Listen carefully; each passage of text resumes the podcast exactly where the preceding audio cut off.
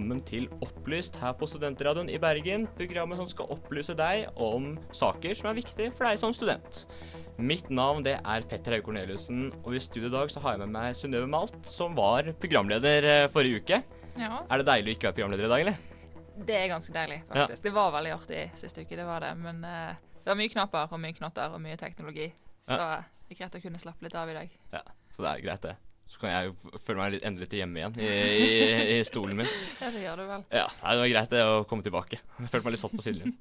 Og så har jeg også med meg Marie Rein. Deg er jo en stund siden vi har sett. For ja. du skulle jo være med på sending for to uker siden, var det vel? Ja, Men uh, der var det litt dramatikk. Ja, jeg tok jo en tur innom uh, legevakten istedenfor. Uh, ja. Klarte jo å bli kjør, altså få foten kjørt over av en bil. Ja. Mm, da ble det litt vanskelig å komme til sending. Ja, det var sånn 'Jeg skal prøve å komme, jeg skal prøve å komme', og så eh, Nei, det Det, det skulle vi ikke. Det tror jeg ikke. Får, det er godkjent eh, sykefravær, det. Fra, ja. Det, det syns jeg. Ja. Det ble liksom ikke prioritert i legevaktenkøen heller, så det Du har ikke overkjørt nok, liksom? Prøve litt hardere neste gang. Kanskje vi skal ha en sending om uh, hvor, hvor, dårlig de blir behandlet på legesenteret her i Nei da. Nei, men uh, vi har jo en ganske god sending foran oss, mye innhold. Vi skal jo litt snakke om uh, at Naturhistorisk museum endelig har åpnet denne uka. Og så har det også blitt delt ut en fredspris her i Norge. Og så får uh, eh, de selger eiendom og får kritikk for det. Og så skal vi snakke litt om saker og ting som har skjedd i studentverdenen her i Bergen de siste, to, de siste dagene denne uka.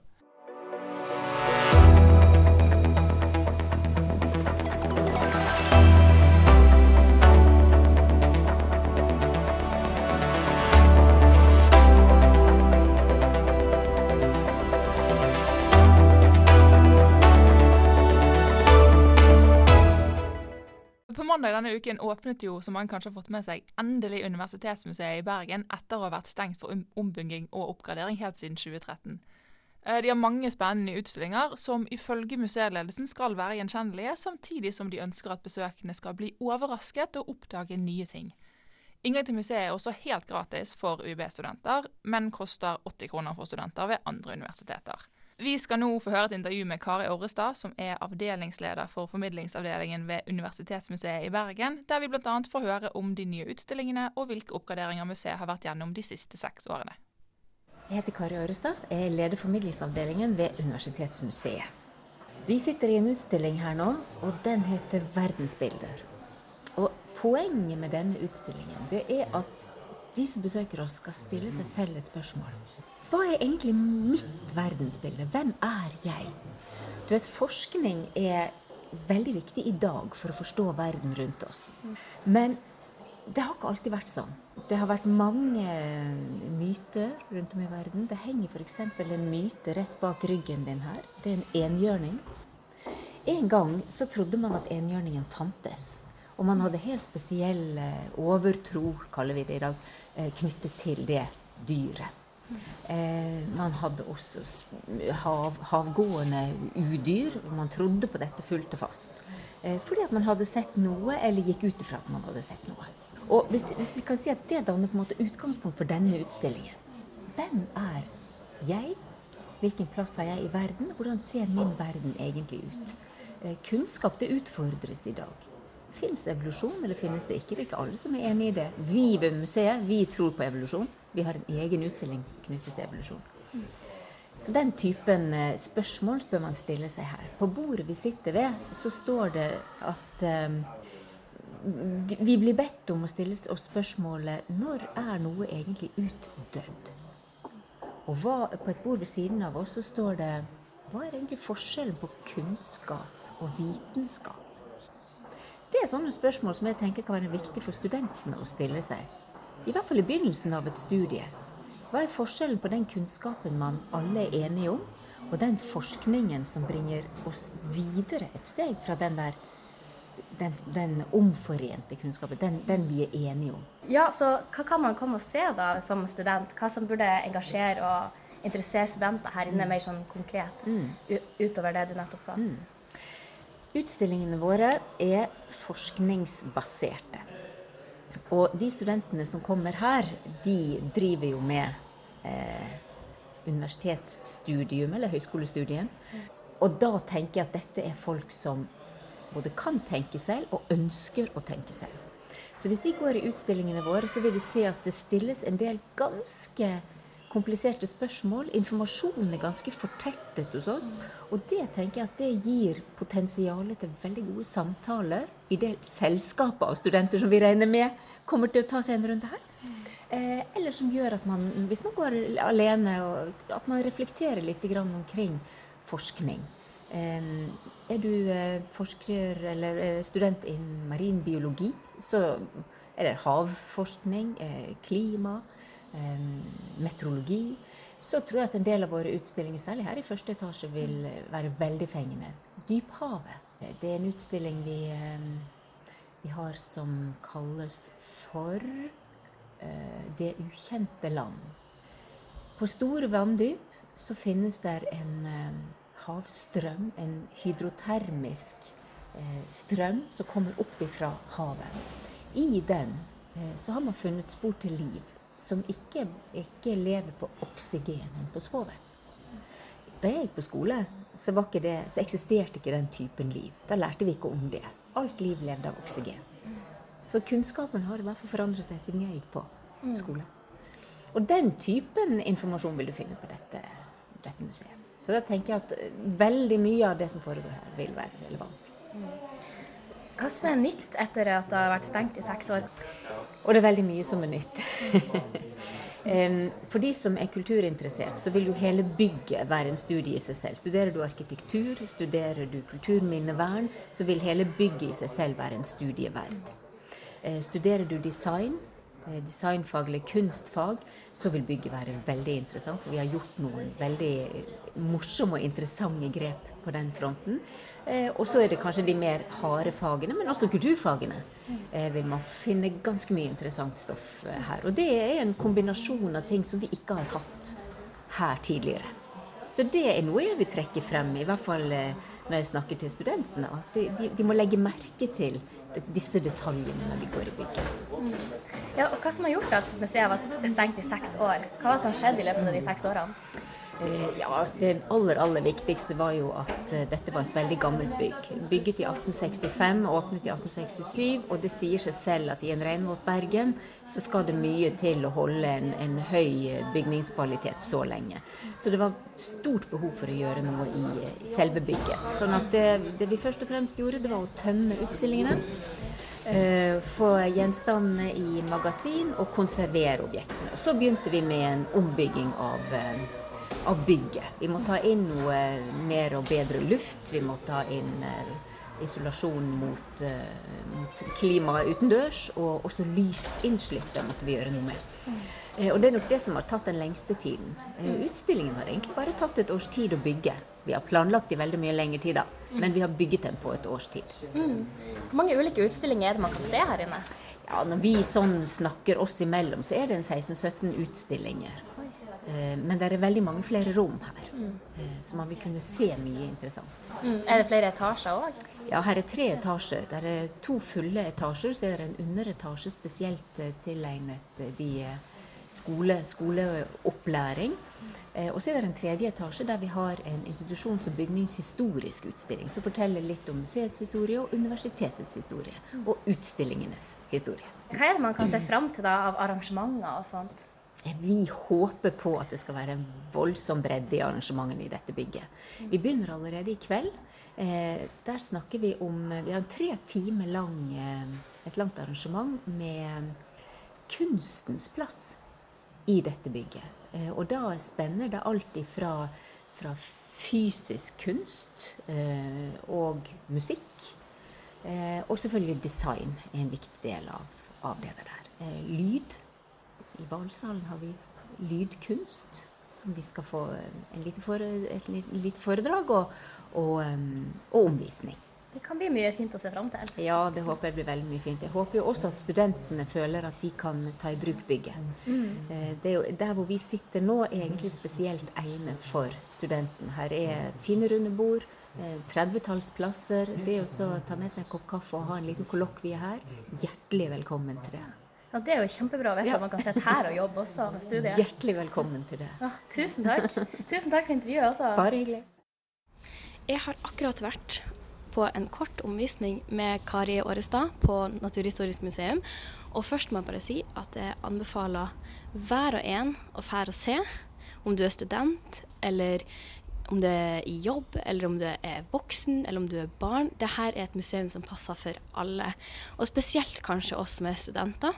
Her er det litt av hvert. Det er både for om du er student på geologi, arkeologi eller historie, eller uansett. Uansett hva du studerer, så vil det være noe som er relevant å se på. Om så bare estetikken rundt arkitekturen på bygget, eller dramaturgien i hvordan de har stilt opp utstillingene sine. Det jeg så, var dyr utstilt i forskjellige eh, kategorier. Eh, om, og var innom de ulike utstillingsdelene av museet. Jeg anbefaler også at når man er innom, at man bruker god tid. Sånn at man får tid til å se alt, man, alt som er der, for det er vanvittig mye å ta tak i. Mange, mange inntrykk, og ikke lett å fordøye alt på, på en gang. Det kan også være kjempelurt å ta seg en sånn guida tur, rett og slett. Altså sånn som jeg gjorde nå, med en av de som jobber der. For da får man en god sånn innføring i hva som er verdt å legge merke til. Måten de har stilt opp uh, utstillingen på, har også mye å si for hvordan de har valgt å uh, uttrykk i det visuelle man skal, vel, man skal legge merke til. Og hvordan estetikken rundt det er lagt opp. Og Kari sa at det ikke er uvanlig å bruke rundt tre timer her inne. Og jeg kan godt anbefale at man gjerne setter av litt tid hvis man først skal inn og se. Hvis det ikke er noe rent spesifikt man er ute etter, men har tenkt å sjekke ut hele museet. Designet på utstillingen er også veldig, veldig verdt å, å, se. Det er jo mye av det, den, av den gamle der også, sånn som jeg forsto. Men det er veldig mye ny utforming også på hvordan det ser ut, og hvordan det er utstilt. Veldig, veldig vakkert, veldig, veldig delikat og veldig veldig smakfullt, rett og slett. Det er også sånn at de, eh, de tekstene eller forklaringene på utstillingen står sånn at de ikke står i veien for selve objektene som er utstilt. Sånn at uh, teksten ikke tar fokus fra det man faktisk kommer for å se. Og det var vanvittig interessant, spennende, engasjerende. Og jeg anbefaler igjen alle å fære og se. Ja, da hørte vi vår eh, medarbeider Lea var, var veldig fornøyd med hennes omvisning. Det, det som jeg syns er litt gøy, at hun uh, sa jo det at hun trodde altså Det virker som de har tatt vare på mye av det som, som var fra før av. Mm. Men sånn som jeg og hun, som ikke er bergensere, vi har jo ikke noe forhold til det. Og det er sånn, Så lenge jeg har bodd i Bergen, så har det museet vært stengt. Ja, det har jo vært stengt ganske lenge. Ja, Og du Synnøve, du er jo ganske gira nå. jeg er sykt giret. Det var favorittmuseet mitt da jeg vokste opp. Vi var der sånn hvert fall en gang i måneden. Farfar pleide å ta med meg dit, og det var så gøy. Og jeg ble veldig lei meg når det stengte, og jeg trodde at kanskje det bare skulle være stengt mm, et år eller to. Men så har det vært stengt i seks år. Så nå nå er det fest. Ja, det eneste jeg husker fra det der museet, med, det er jo egentlig den blå hval. Eh, ellers var jeg alltid mer fan av å gå på akvariet. Jeg syns levende dyr var litt mer spennende. Det er jo ikke det. De hadde jo til og med utstoppede dyr, og de hadde bilder, og de hadde sånne ting som du kunne ta på, og de hadde sånn evolusjonsutstilling. De hadde alt mulig. Og blåhvalen var det kuleste, det var det. Men, uh, men de hadde mye annet gøy også. Ja, for det var jo mens vi hadde redaksjonsmøte på mandag, det var jo da vi, den åpningen var. Mm. Og da tikket det inn at uh, Erna Solberg var jo der, talte, sa at dette er favorittmuseet hennes. ja, meg og Erna er enig der. Ja, men det var jo demonstrasjoner mot det, den, åpning, den, åpningen. Og det var jo sånne klimaaktivister. Ja, de Extinction Rebellion, eller hva det heter. Ja, Og så tenkte jeg sånn Er dette her riktig arena? Tenkte jeg da. Nei. Her, det skal være en feiring, tenker jeg. Jeg tenker at jeg forstår, jeg forstår uh, hvorfor de valgte å gjøre det sånn. Nå er jo ikke altså nå er, jeg bor jo ikke Erna her lenger, hun er jo borte i Oslo, så de ville gjerne benytte anledningen når hun først var her. Og så har det vel òg vært jeg vet jeg snakket med en annen som hadde vært på en sånn Extinction Rebellion-event i Berlin nylig. Og jeg tror at de har kjørt veldig opp i det siste, den bevegelsen, og at det kanskje var bare et ønske om å gjøre noe lokalt, da. Og at da ble det det på en måte valget falt på. Men jeg tenker jo òg at de kanskje kunne, kunne, spart seg for det på denne festens dag.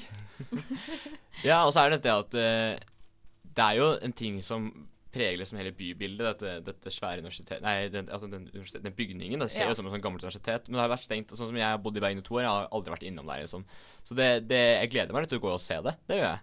Og det er jo kanskje deilig å komme tilbake og oppleve barndomsminner. Ja, altså i og med at jeg bare husker Hval, så tror jeg det blir ganske gøy å se, på en måte oppleve alt på nytt. Det blir et helt uh, nytt museum. Ja, det blir egentlig det. Ellers utenom det, så det siste naturhistoriske museet vi var på, var jo i London. Og det, det er jo en del større, men uh, Men ikke bedre.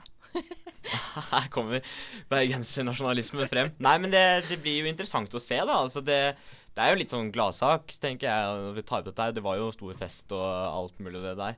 Uh, og så er det kult at uh, eh, UB-studenter kommer gratis inn. Det ja. er jo uh, Det er litt skitt for alle de andre studentene, men Ja, det er litt sånn Jeg tror ikke de får så mange andre studenter som kommer, da. Men vi får håpe det, at folk tar seg turen. Mm. Det er jo en ting som er som mange har uh, venta på. Absolutt. Så blir det det at når det er gratis, så kommer kanskje studentene. Ja. Men det er jo også studentrabatt for andre studenter. Men ja. ja. Sånn er det. Ikke gratis. Ikke gratis. Da går vi videre, men eh, før vi begynner på å snakke om fredsprisen som er blitt delt ut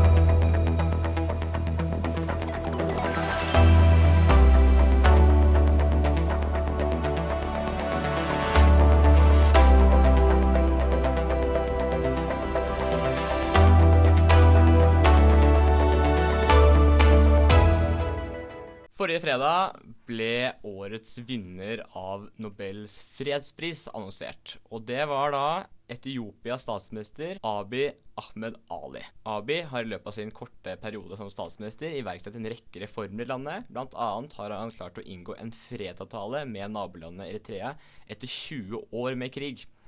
Han har i tillegg løslatt tusenvis av politiske fanger og har vært et eksempel til etterfølgelse. Statsministrene i Nord-Makedonia og Hellas har også sluttet fred, eller at de har blitt litt mer gode, eh, gode venner enn det etter det Abi-suksess.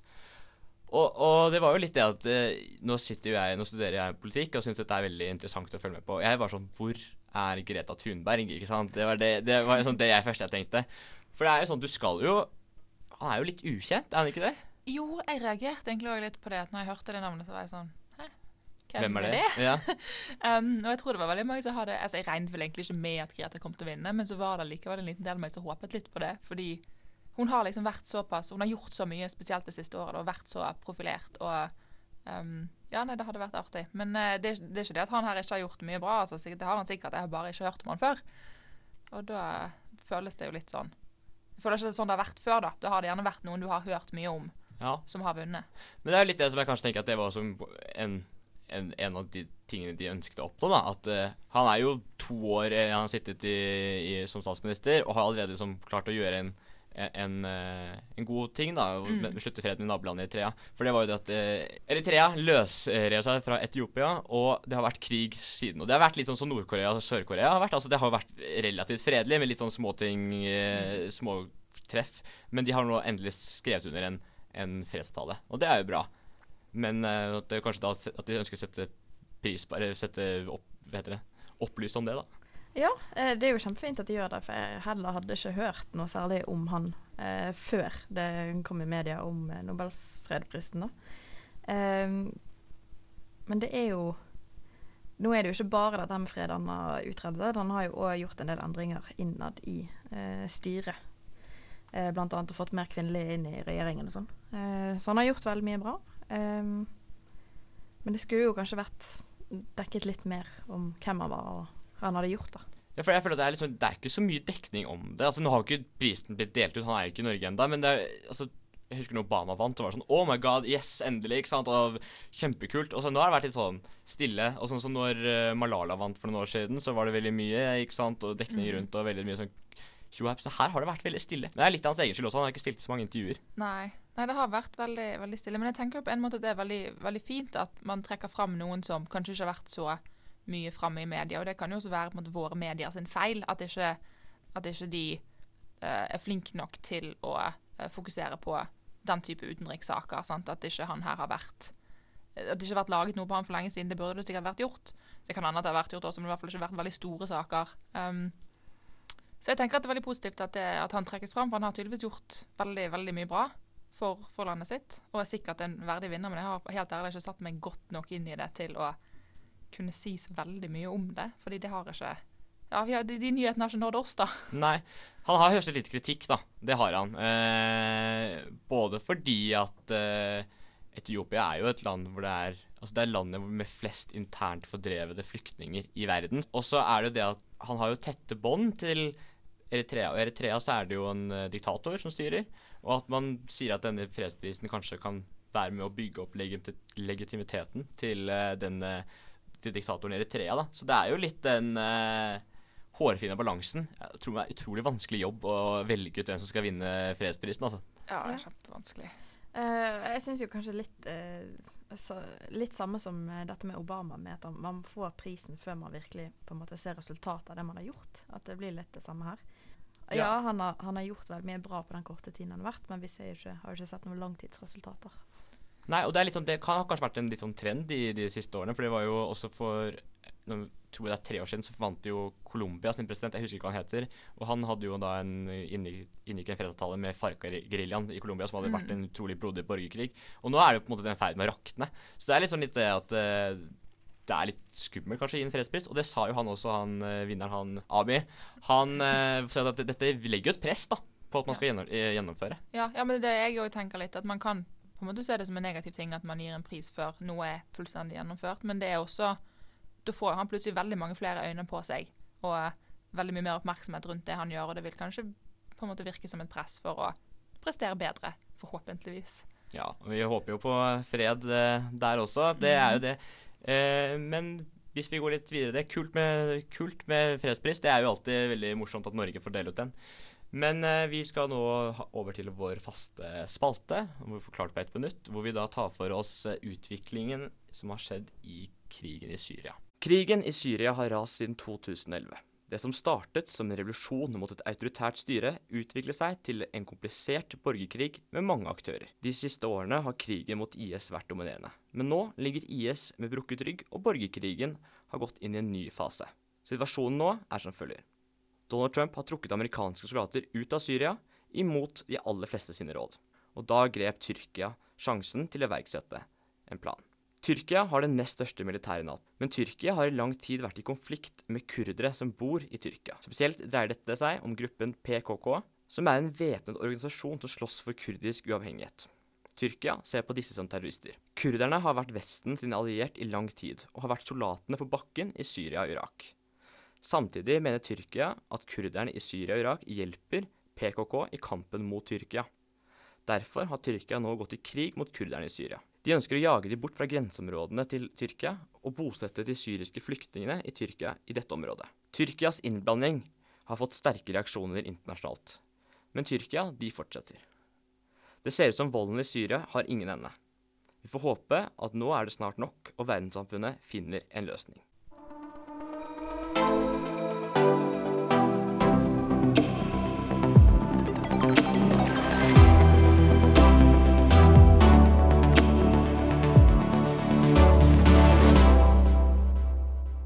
Universitetet i Bergen får kritikk for å selge unna eiendommer. Vektertorget har blitt solgt, og flere eiendommer ligger for tur. Studenter reagerer på at eh, eiendommer som selges, blir brukt til lesesaler når det allerede er for få lesesaler for alle studentene i Bergen. Før vi snakker om det, så skal vi eh, høre et intervju av Even Berge, som er eiendomsdirektør ved Universitetet i Bergen. Even eh, Berge, eh, leder av eiendomsavdelingen på UiB. Eh, Hvorfor har universitetet valgt å selge Vektertoget?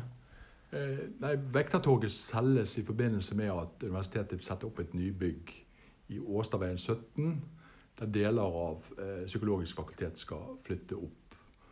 Eh, og, bygget selges fordi at vi frigir, altså vi, vi frigir tilsvarende, og skal frie tilsvarende råd som vi, vi etablerer der oppe. Hva tjener UiB på dette? Nei, Universitetet får jo har, eh, altså Salgssummen ligger i overkant av 200 millioner. Mm. og de midlene vi får fra det salget, de går med til å finansiere UiBs andel av dette bygget i Åstadveien 17. Eh, og noe av midlene brukes til generell oppgradering av areal for ansatte studenter ved universitetet. Mm. Vektertoget består jo av en del forskjellige ting, som treningssenter, eh, et legekontor som studenter har tilgang til. Hvilke deler av bygget er det som eh, blir solgt nå? Hele bygget blir solgt. Eh, Studentsamskipnaden har fått en, etter eget ønske fått en lang leiekontrakt. Så de kan sitte i lokalet i, inntil 15 år, mener jeg husker. Mm. Legekontoret eh, har en vanlig legekontrakt og med mulig med rett til forlengelse. Eh, så de kan velge å bli sittende der eller finne andre tilstøtende lokaler. Så skal universitetet videre eh, leie tilbake det som i dag er studentareal og kontorer, i en periode på fem år etter å har solgt. Og de studentarealene som blir frigitt når Psykologi flytter til Åstadveien 17, eh, har vi tenkt å bruke som erstatningsareal i den perioden UPIL eh, blir stengt ned for å, å rehabiliteres og bygges om til, til ny bruk. Enkelte studenter har jo reagert på dette, bl.a. Uh, Martin André Blomli Frøyseth, som skrev et debattinnlegg i Bergens Tidende der han reagerte på dette. Eh, du har lest det. Hva, hvordan, eh, hva syns du om eh, det han sier? Nei, først og fremst er det jo flott at jeg følger med og, og stiller spørsmålstegn ved det. Eh, men eh, vi har svart på det leserinnlegget i Bergens Tidende sist mandag. Eh, utgangspunktet er at, at det blir ikke færre studentarbeidsplasser etter salget av Vektertoget. Vi, Mm. vi beholder det som sagt i fem år. Og alle de studentarbeidsplassene som i dag ligger i Vektertorget, eh, blir eh, altså tilsvarende areal blir etablert i Åstadveien 17. Um, jeg har lest at uh, dere snakker om effektivisering av eiendomsmassen. Er dette et ledd i det prosjektet? Ja, det, det, det kom gjerne litt skjevt ut i den omtalen som av, som BT hadde av det. Uh, Det får vi ta på egen kappe. Uh, utgangspunktet er at vi, vi jobber med å effektivisere arealbruken. og Det går veldig mye på kontorsiden for, eh, for ansatte. Eh, Vi vet at eh, altså det ligger en statlig arealnorm som regulerer eh, det arealet skal være tilgjengelig, der vi bygger om til 23 kvm per arbeidsplass for ansatte. Så har vi jo, jo en effektivisering går først og fremst på å, å ta ut bygg som ikke er bygd til formålet. Vektertoget er et klassisk eksempel på det, og mange av disse gamle bolighusene vi, vi universitetet fortsatt bruker. Andre eksempler de er veldig krevende, for de, de, de, de er ikke bygget og tilpasset formålet, og det gjør at vi har en uforholdsmessig høy eh, arealbruk i de i de byggene. Eh, og det ønsker vi å effektivisere og ta ned til et mer fornuftig nivå. Både av økonomiske og også miljømessige grunner. Vi vet areal koster. Også miljømessig. Ja, um, Eiendomsavdelingen anslo i 2018 at eh, 12 000 eh, studenter mangler Eller at UiB hadde 12 000 flere studenter enn det egentlig var plass til. Um, er det realistisk at uh, premiss, Det vil gå. Ja, jeg tror premisset om at uh, alle studenter skal få en egen arbeidsplass, Mm. det, det, det, det tror jeg er lite realistisk. Men vi skal, skal hvis, hvis alle skulle ha en permanent arbeidsplass, så, så vil vi slite tungt med å levere på det. Det vi eh, på, etter eh, at i dialog med studentparlamentet har besluttet, er at vi eh, i vårsemesteret, altså nå fra januar av og utover, eh, i tett samarbeid med studentutvalgene på hvert fakultet, skal gjøre en kartlegging av arealbruk. Vi, vi har for lite kunnskap om arealbruk. Det vi alle vet, det at når vi nærmer oss eksamenstid, så har vi for liten kapasitet på studentarbeidsplasser ved noen fakultet. Og Det, det, det som er målet med kartleggingen, er å forsøke å få kunnskap rundt det og kunne forsøke å dimensjonere dette nærmere. For vi, vi, vi er nærmere behovet. For, for eh, vi, vi, vi har et klart ønske om å bidra til at studentene har gode arbeidsforhold. Også selvfølgelig under i eksamensperioden. Ja, da var det jo, hørte vi vår medarbeider Mathias intervjuet eh, eiendomsdirektøren på eh, VUB. Og når vi så denne saken, så tenkte vi at dette er en stor sak, de selger mye. Men vi har vel egentlig det intervjuet, så forklarer han egentlig ganske greit hva, hvorfor han gjør det. Ja, Han gjør jo det. Ja. Plassene forsvinner liksom ikke med en gang. Nei, de skulle vel få utvidet eh, leiekontrakt, eller beholde leiekontrakt eh, i fem år. Og så i da, mens de har de leielokalene, så bygges det nye lokaler i Årstadveien eller noe sånt. Så Ja. det blir jo I praksis er det jo ingen forskjell. Nei. Det virker jo ikke sånn. Nei, men det den saken kanskje tar opp, da, er jo det at det er et stort mangel på lesesaler. Og det er kamp om lesesalene. ikke sant? Altså, når, du går, i når du går masterstudie, så har du ofte sine egne lesesaler. Men hvis du går bachelornivå, så er det sånn Jeg vet ikke om noen av dere har prøvd å lese på HF eller SV-biblioteket, men det er jo Nei, det har jeg bare gitt opp. Ja, det er, altså, du må jo, i hvert fall i eksamenstiden, så må du jo brøyte deg frem med begbuer for å få plass. Ja, ja. Så må du opp skikkelig tidlig. Ja, og det er litt sånn Ja, man burde kanskje noen burde Eller kanskje la være å gå drøyen. Det er jo Ja, ikke sant? Det er ikke lov, da, men det, men det er sånn det at jeg syns jo Det tar jo en tak som kan, eh, tar frem en sak som kanskje er relevant, da. Og så er det bra at UB kanskje kvitter seg med ting de ikke bruker. Altså det ja, eller sånn rare lokaler som kanskje ikke helt er hensiktsmessig for de formålene det er tiltenkt. da. Sånn som Vektertorget er jo et litt sånn litt rart lokale, tenker jeg. En sånn blanding av treningsstudio og, og leger og lesesaler og seminarrom. Altså det Ja. må jo til på et universitet, men det er jo litt sånn. Altså hele saken sier at vi må ha flere lesesaler. Altså jeg, det var han som begynte dette med å skrive et innlegg i BT og sa at dette her syntes han var veldig merkelig at det solgte. Sa de at eh, Universitetet i Bergen har jo 20, nei, 12 000 flere studenter enn det de egentlig har plass til. Mm. Så det er jo Kanskje det, er, det trengs en opp oppgradering. Også de lesetallene vi allerede har. Altså UPIL, vi som går på SV, det er jo ikke de, de beste lesetallene. Nei, Utformingen av de er jo ikke helt ideell heller. Nei, så det er jo litt det. Så altså, det er kanskje ikke så veldig mye mer å si om den, om den uh, saken. For det er jo litt det at uh, Han sa jo sjøl, han der eh, Even, var det det han het, at uh, det er jo ikke realistisk med på en måte full dekning uh, for de, altså de 12 000 studentene som mangler lesesallplasser. Det er ikke en, altså det kommer ikke til å bli en realitet, men at de i hvert fall kan prøve å utforme best mulig leseplasser, og det er derfor de prøver å, å oppgradere. Ja. Og det er jo positivt. Det er veldig positivt. Altså, det, jeg ser ikke noe, egentlig ikke noe problem med det. Men jeg skjønner jo at folk blir stressa hvis man skal hvis man, hvis man tro, trodde først at man skulle miste leseplassene sin. Ja, når det det- allerede er så stort press på de plassene, så blir man jo Det er gjerne derfor det blir så stort engasjement, da. Ja. At det allerede er så, er så vanskelig å få seg plass. Ja. Nei, altså jeg tror egentlig den saken eh, er litt sånn på vei ut allerede. Men det var i hvert fall det at vi får håpe at det, det ble litt eh, mer klart, da. Ja.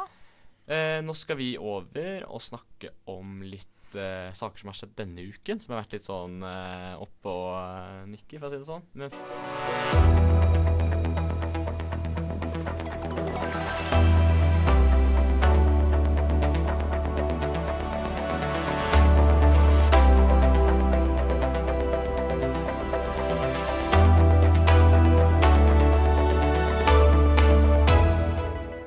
Ja, for i starten av dette semesteret så var det jo en sak rundt Akademika, altså den primærkilden for eh, pensumbøker for de fleste studenter. Og de sponset jo fadderuka. Og i den forbindelsen så var et av kravene deres var det at eh, fadderne skulle informere om eh, deres tilbud og ikke nevne andre måter å skaffe pensum på. Mm. Og dette her ble det jo eh, litt ja, rabalder rundt, og Studvest kjørte jo på. Vi var jo ikke helt oppe å gå, eh, gikk som et program, da, så da var det ikke så mye fra oss, men det var jo mye fra Studvest. Eh, og så har det kommet frem også det at det skjedde, samme skjedde jo i Oslo, med Oslo Met. Og så var det jo det at etter massiv kritikk, da, som det var, så har de noen lagt seg flate, og det skjedde da i går. Eh, så det er jo litt sånn eh, Ja, og nå skal de gå gjennom disse ordningene, for det er jo lokale ordninger de har hatt med de forskjellige fadder, eh, fadderstyrene. Eh, og så nå skal de prøve å sette inn liksom mer nasjonal da, hvor, retningslinjer hvordan man skal gjøre det. Det var jo veldig mye rabalder når det skjedde, og det, det skjønner jeg, for å, si det, for å si det sånn. For det var jo veldig tåpelig av dem. Det var jo eh, å komme inn Fordi de kom inn på dette fadderkurset som man har før, før man er fadder, så kom de inn og sa akkurat det at eh, dere skal ikke informere om andre ting. Så du, en fadder hadde ikke, ifølge dem ikke lov til å si at hei, du kan kjøpe bøkene mine brukt. Nei. Det er jo ganske, ganske rart. Det er jo det. Og veldig Altså, det er jo ganske kjipt for de studentene som på en måte er helt nye i gamet og kanskje ikke har forstått at man kan kjøpe brukte bøker til kanskje halv pris av andre som allerede har kjøpt disse bøkene. Og det er jo også en sånn, et, et miljøhensyn. at Hvorfor skal alle kjøpe nye bøker når det, man kan kjøpe bøker som kanskje kun er brukt ett semester og er helt fine for halv pris? Eller i hvert fall mye mindre. Ja. Det er veldig interessant. Ja, og så var det litt av det, det, det at de sa, var at de er jo en sponser, og de er med på en måte på å lage Altså De er med på å, å gi penger da, til fadderuken, og da må de på en måte få kanskje noe igjen. Det skjønner jeg jo, at de også får litt reklame. Men det å liksom stenge ute hele konkurrent, Ja. alle konkurrentene er jo litt sånn Det eh, fins kanskje en mellomting her. Litt det jeg syns er sketsjen med hele saken, er jo at det, det står jo i kontrakten at ikke de skal eh, gå ut og promotere på en måte andre ting. Og det er helt greit, det, men så har de òg holdt denne kontrakten veldig hemmelig. Og det er ikke informert studenter om at det er sånn, at de faktisk ikke har lov å snakke om det. Nei, og da er det bra at eh, de på nasjonalt plan sier at OK, vi skal ta en oppvask på dette her. Litt sent, kanskje. Etter den massive kritikken som kom, så er det sånn OK, bruker man to måneder liksom på å gjennomgå alt dette her? Altså, Vi venter Ja. til salget er i gang, liksom. Ja, og så er det også noe med at i alle andre kanaler, sånn som f.eks. influensere på Instagram og blogger og ellers og sånn, er jo alltid nødt til å opplyse om når de anbefaler et produkt f.eks. som de har eh, mottatt spons fra. Når det er et sponset produkt eller det er på en måte reklame på et eller annet vis, er de nødt til å informere om det. Og her var det jo ikke sånn at studentene ble informert om at fadderne var støttet av eh, akademika. nei. Og, dere, Det, og begge dere to var jo, eh, var jo nye studenter. Ja. Hva Altså jeg har jo ikke hørt noe. Nei, ikke sant? Og det er jo litt interessant, det også. Jeg kan tenke på at det er sikkert mange faddere som tenkte at det var en liten sånn bisetning som ikke var så viktig, men altså Altså, Jeg har til og med kjøpt brukte bøker av en fadder, så Ja. jeg tror ikke, i hvert fall ikke min faddergruppe tok så veldig hensyn til det. Nei, og det, men det er jo òg noe med at det var veldig mye misforståelser og mye sånn uklarhet i det. Og jeg tror folk gjorde det på veldig ulike måter. At noen tok de reglene veldig seriøst og var liksom redd for å bli tatt på noe der, mens andre tenkte at det kanskje var ikke så nøye. Og at folk da kanskje har fått litt ulike muligheter til å skaffe seg eh, pensum. Og det er jo også litt, litt kjipt for de det gjelder, som har trodd at det ikke fantes noe alternativ, eller Nei, ikke sant. Men det som er kanskje litt gøy med den saken, for oss som sitter her og er eh, media, da, studentmedia, er at vi viser at vi har påvirkningskraft. Når, Ja. vi, når vi tar opp en sak, så er det det at det blir hørt til.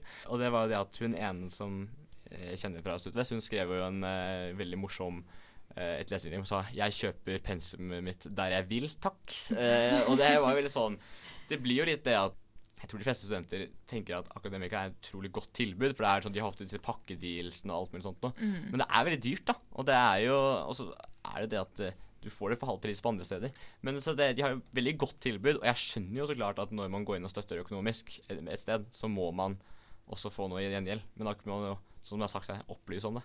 Ja. Uh, og si at vet du, vi er faktisk sponset av det. Så det her eh, er det det. Men det er bra de tar, litt, tar kritikken på alvor, da. Det tenker jeg. Ja, litt, litt seint kanskje. De burde lagt seg flat for lenge siden, etter min mening. Men uh, det er bra at de gjør det nå, og det er bra at de vil, vil revurdere disse kontraktene og se på hva de kan gjøre annerledes. Ja. Så håper vi at det ikke skjer det samme neste semester. Ja. For det har jo ofte ting, ting Jeg tror jo folk er litt mer obs på det nå. Så Ja. Jeg tror hvis en akademiker kommer inn og sier det, så tror jeg alle kommer til å være sånn Nei. det var vi enige med at forrige gang så var det, var det greit. Men det er i hvert fall det Vi satt her i forberedt sending, så kom det opp nå. Så det var jo litt uh, kult. Da går vi videre til kanskje det største som har skjedd denne uken her i Bergen. På, I hvert fall blant studenter.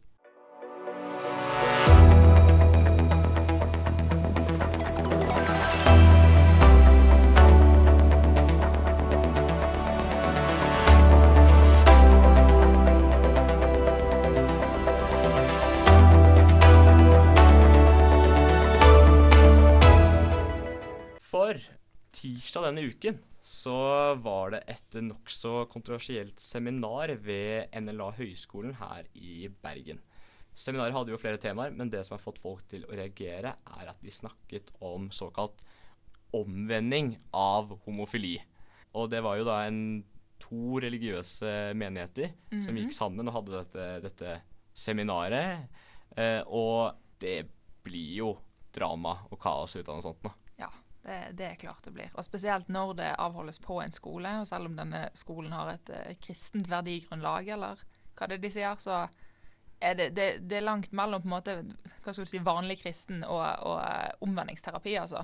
Ja. Og uh, nei, det, jeg syns det er veldig veldig spesielt at de har tillatt det, at de har tillatt at eh, den type arrangement kan finne sted i skolens lokaler, og også reklameres for på skolen. Det er, altså, En ting er jo å leie et lokale ut, og at man ikke nødvendigvis har stålkontroll på alt som blir sagt, men å kanskje ta en liten vurdering og ha et lite filter på hva som i hvert fall blir promotert på skolen, er jo kanskje en idé.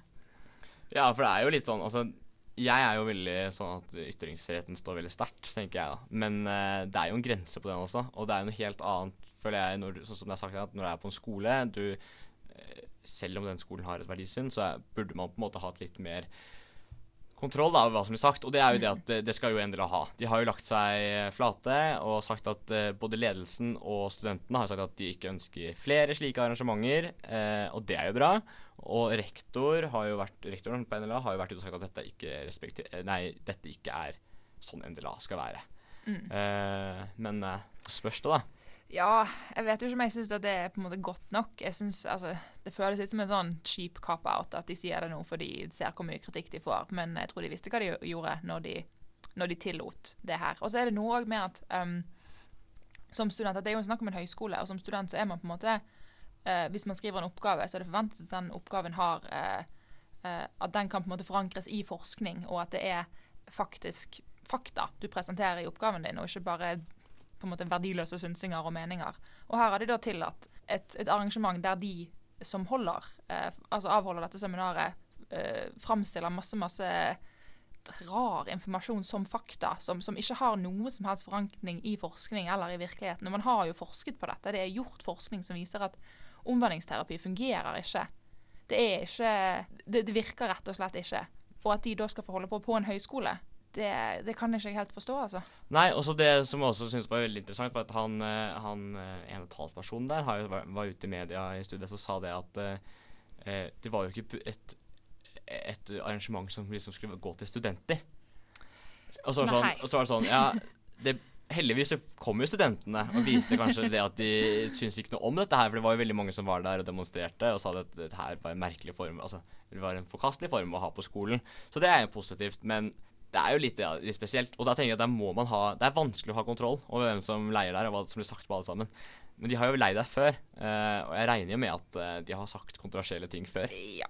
Altså En ting er at de, altså, de har leid før, og regner jo med det er en som sitter og tar imot disse her, eh, og at folk flest sier litt hva de de har tenkt å snakke om. Uh, og så er jo han her Mike Davidson, han er jo ganske profilert for akkurat dette her, og har en egen bedrift. og ja, For det er han som ledet Det er han som ledet seminaret. Ja. Uh, og han er jo aktivt ute og promoterer dette her at folk skal omvendes, og at de skal kunne leve vanlige liv. Og uh, at hvis de trenger hjelp, så må de bare komme og ta kontakt. og det er jo dette med skole skal, Du skal jo være åpen for alle. Du skal føle deg komfortabel når du kommer på skole. Du skal ikke føle at du er nødt til å forandre deg for å ha, lære. Men er NDLA åpen for alle? Det er jo litt det som vi har snakket om det, at det er jo litt eh, rart at de legger seg flat og sier at dette her er ikke noe eh, de, dette tar de avstand fra. Men de har jo en par regler som er litt merkelige, Ja, de, altså, de er jo ikke de, de, er kanskje kanskje åpen for alle studenter, i hvert fall i, i teorien. Um, så spørs det jo om man vil føle seg velkommen der uh, når det er sånn det fungerer. Men når det gjelder de ansatte på skolen, så har de ikke lov f.eks. til å ha altså inngå likekjønnet ekteskap eller leve i et uh, likekjønnet samliv. Så homofile lærere på NLA-høgskolen det er ikke tillatt, f.eks.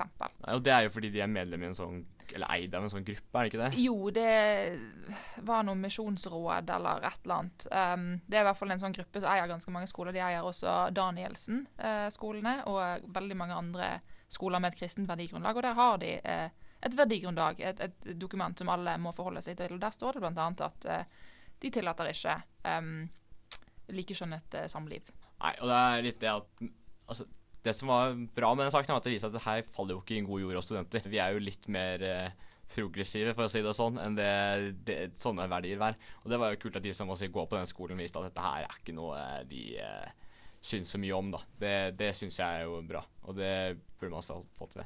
Men så er det litt det igjen, da, ikke sant. Altså hadde de ikke vært der, så hadde de kanskje funnet et annet sted, enda mer lukket og gjemt bort, og da kanskje det ikke hadde blitt noe mediestorm om dette. Det er jo bra at man tar debatten, tenker jeg, og det, eller tar den at man, vi sier det at uh, dette her syns ikke er greit, både fordi det er på en skole, men også fordi det innholdet. Ja. ja. jeg er jo for så vidt enig i det på et vis, men jeg syns også at uh, Altså det at de får liksom Jeg skjønner jo at jeg er imot at de får bl.a. reklamere på skolen, i alle fall, men jeg skjønner jo mm. at man gjerne ikke hadde fått vite om det dersom ikke de hadde fått henge opp disse plakatene, og dersom de ikke hadde fått promotere dette eventet sitt. Men det er noe med at um, i Norge så skal alle ha lik rett til utdanning, og man føler gjerne ikke at man er så veldig velkommen på en skole som um, som oppfører seg på den måten, og som tydelig på en måte støtter Om ikke de støtter akkurat disse verdiene, så støtter de i hvert fall ganske kristne, konservative verdier. Og da vil man gjerne ikke føle at man hører til der. Nei. Så oppfordringen er jo kanskje det at man har litt mer kontroll over hvem som kommer. Ja. ser jeg at tiden begynner å løpe fra oss, så vi skal vel gå til avslutning.